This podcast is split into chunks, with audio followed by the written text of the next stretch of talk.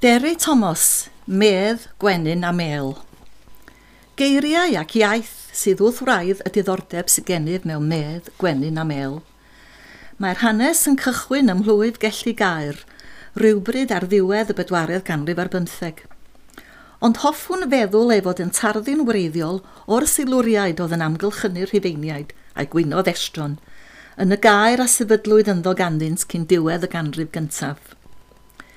Er olion y gair yng nghanol y clwstwr o dyddynod a ffermydd, a fi'n gartrefi i deulu fy nhad ers canrifoedd, a thafliad gwyw ffwn o'r lle ei ganwyd yn tai. Medd oedd hoffter boes yr oes haearn geltaidd, ac felly y bu yn yr ardal hon tan yn ddiweddar iawn. Agoriad llygad i mi oedd darganfod hyn yn llyfr Alan James, Diwylliant Gwerin Morganwg, yn ystod y clo mawr a dyma'r geiriau yn dechrau cyniwair. Cof clywed geiriau'r gododdin am y tro cyntaf yn y coleg, a dysgu geiriau T. Gwyn Jones drwy gannu Dafydd Iwan tua'r un cyfnod. Y sywaith, yn Saesneg y clywais fy ngeiriau gwenyna am y tro cyntaf. Ganwyd a magwyd mam fy nhad yng Nghwrt y Beti, pen pedar pedol gellu gair. Dyna chi gofliad o eiriau yn 1890.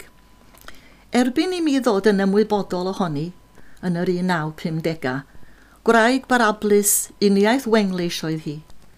Dros y blynyddoedd, clywais ganddi lawer am ei thad Efan. Un hanes oedd am y fari lwyd yn dod i'r cartref cyn troad y ganrif, a granma yn adrodd geiriau ffenillion, un ohonynt yn arbennig iddi hi yn Gymraeg. Dros y blynyddoedd fe ddes i sylweddoli, mae uniaeth Gymraeg y byddai wedi bod ar y pryd.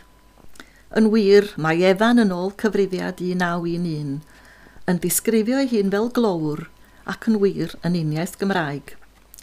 Anodd credu hyn. Yn sicr, roedd ganddo leiaf dri gair Saesneg, a lynodd wrth gof ei ferch am weddill ei bywyd. Dros y bwrdd nadolig y clywais unau ganddi am Queen Excluders a Supers. Ni chofiaf bellach, pryd y sylweddolus, mae rhywbeth yn ymwneud â gwenyn a mel oedd yr hain. Gallasant mor hawdd fod wedi bod yn ymwneud â rhywbeth imperialaidd o'r cyfnod.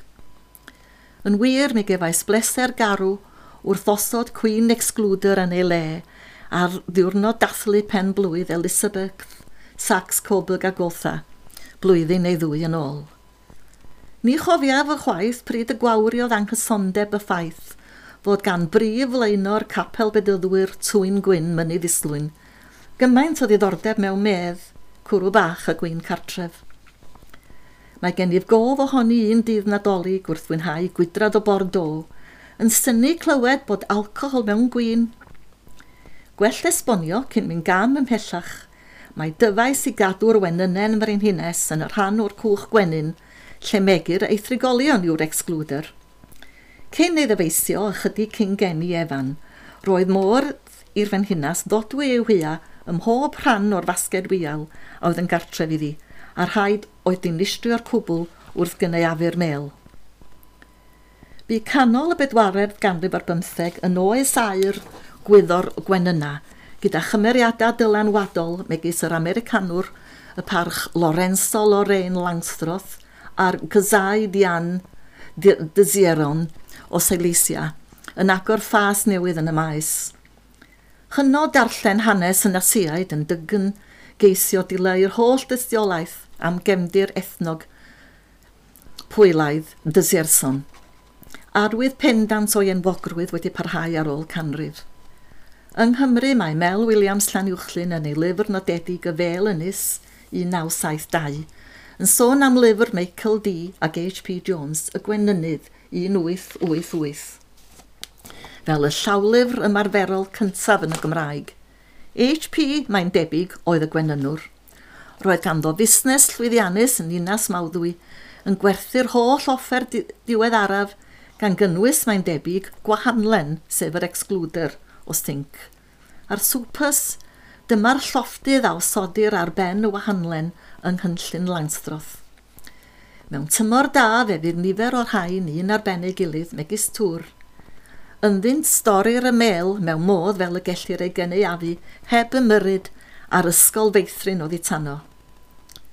Yn ei lyfr dylanwadol Scientific Queen Rearing 1889, Mae'r mae Americanwr Gilbert Doolittle yn sôn iddo glywed am ddoniau'r wahanlen sink gan ryw D.A. E Jones o Ganada. Cymro ar wasgar mae'n siŵr. Geiriau llydaweg yw eraill o'r dylanwadau arnaf. Yn fyfyriwr ymchwil yn 1974 gyda'm cyfaill y dyn pryfed, Owen Thomas Tom Jones. Fe am bythefnos fythgyfiadwy i ardal Lanion – yno ar fferm yr yfeddol Rhiwanon Cerfela, chwaer fawr Erwan, gwrthrych can Mike Stevens, cyfar fym a Marc Gautier, coed lesfareg a'i fam. A Marc yn ddi waith ar y pryd, roedd Rhiwanon wedi benthu cae iddynt dyfu tatws i fyw arnynt tra bod ei cynhyaf cyntaf o Sushen, medd Llydaw yn aeddfedu. Ryset yr hen wraig bu llwyddiant.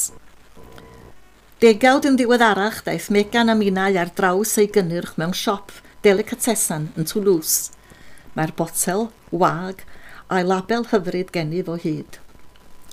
Wrth ymweld â rwanon yn ddiweddar, cefais ganddi anreg o gyfrol hardd am hanes teuluoedd Dwarna Ne gan Marc a gyhoeddodd yn 2016 ychydig cyn ei farwolaeth. Mae'n debyg i marc na chyddwr gwerthfawr yn y llydaw sydd ohoni. Bydd o etifeddiaeth arall. Dair blynedd yn ôl, gwireddu fy mreiddwyd a pharatoi, medd o mel fy hun. Neu fel, y gwenyn cw y dylwn ei ddeud. Gyda llwyddiant am seidr a gwyn cartref, enillais gwpan goffa, J.N. Lownes yn sioe dyffryn ogwen. Roedd glaw wedi cadw'r rhan fwyaf o'r cystadleuwyr gartref. Tybed beth fyddai fy mam gi o flaenor, a'r hen Efan wedi feddwl o hyn.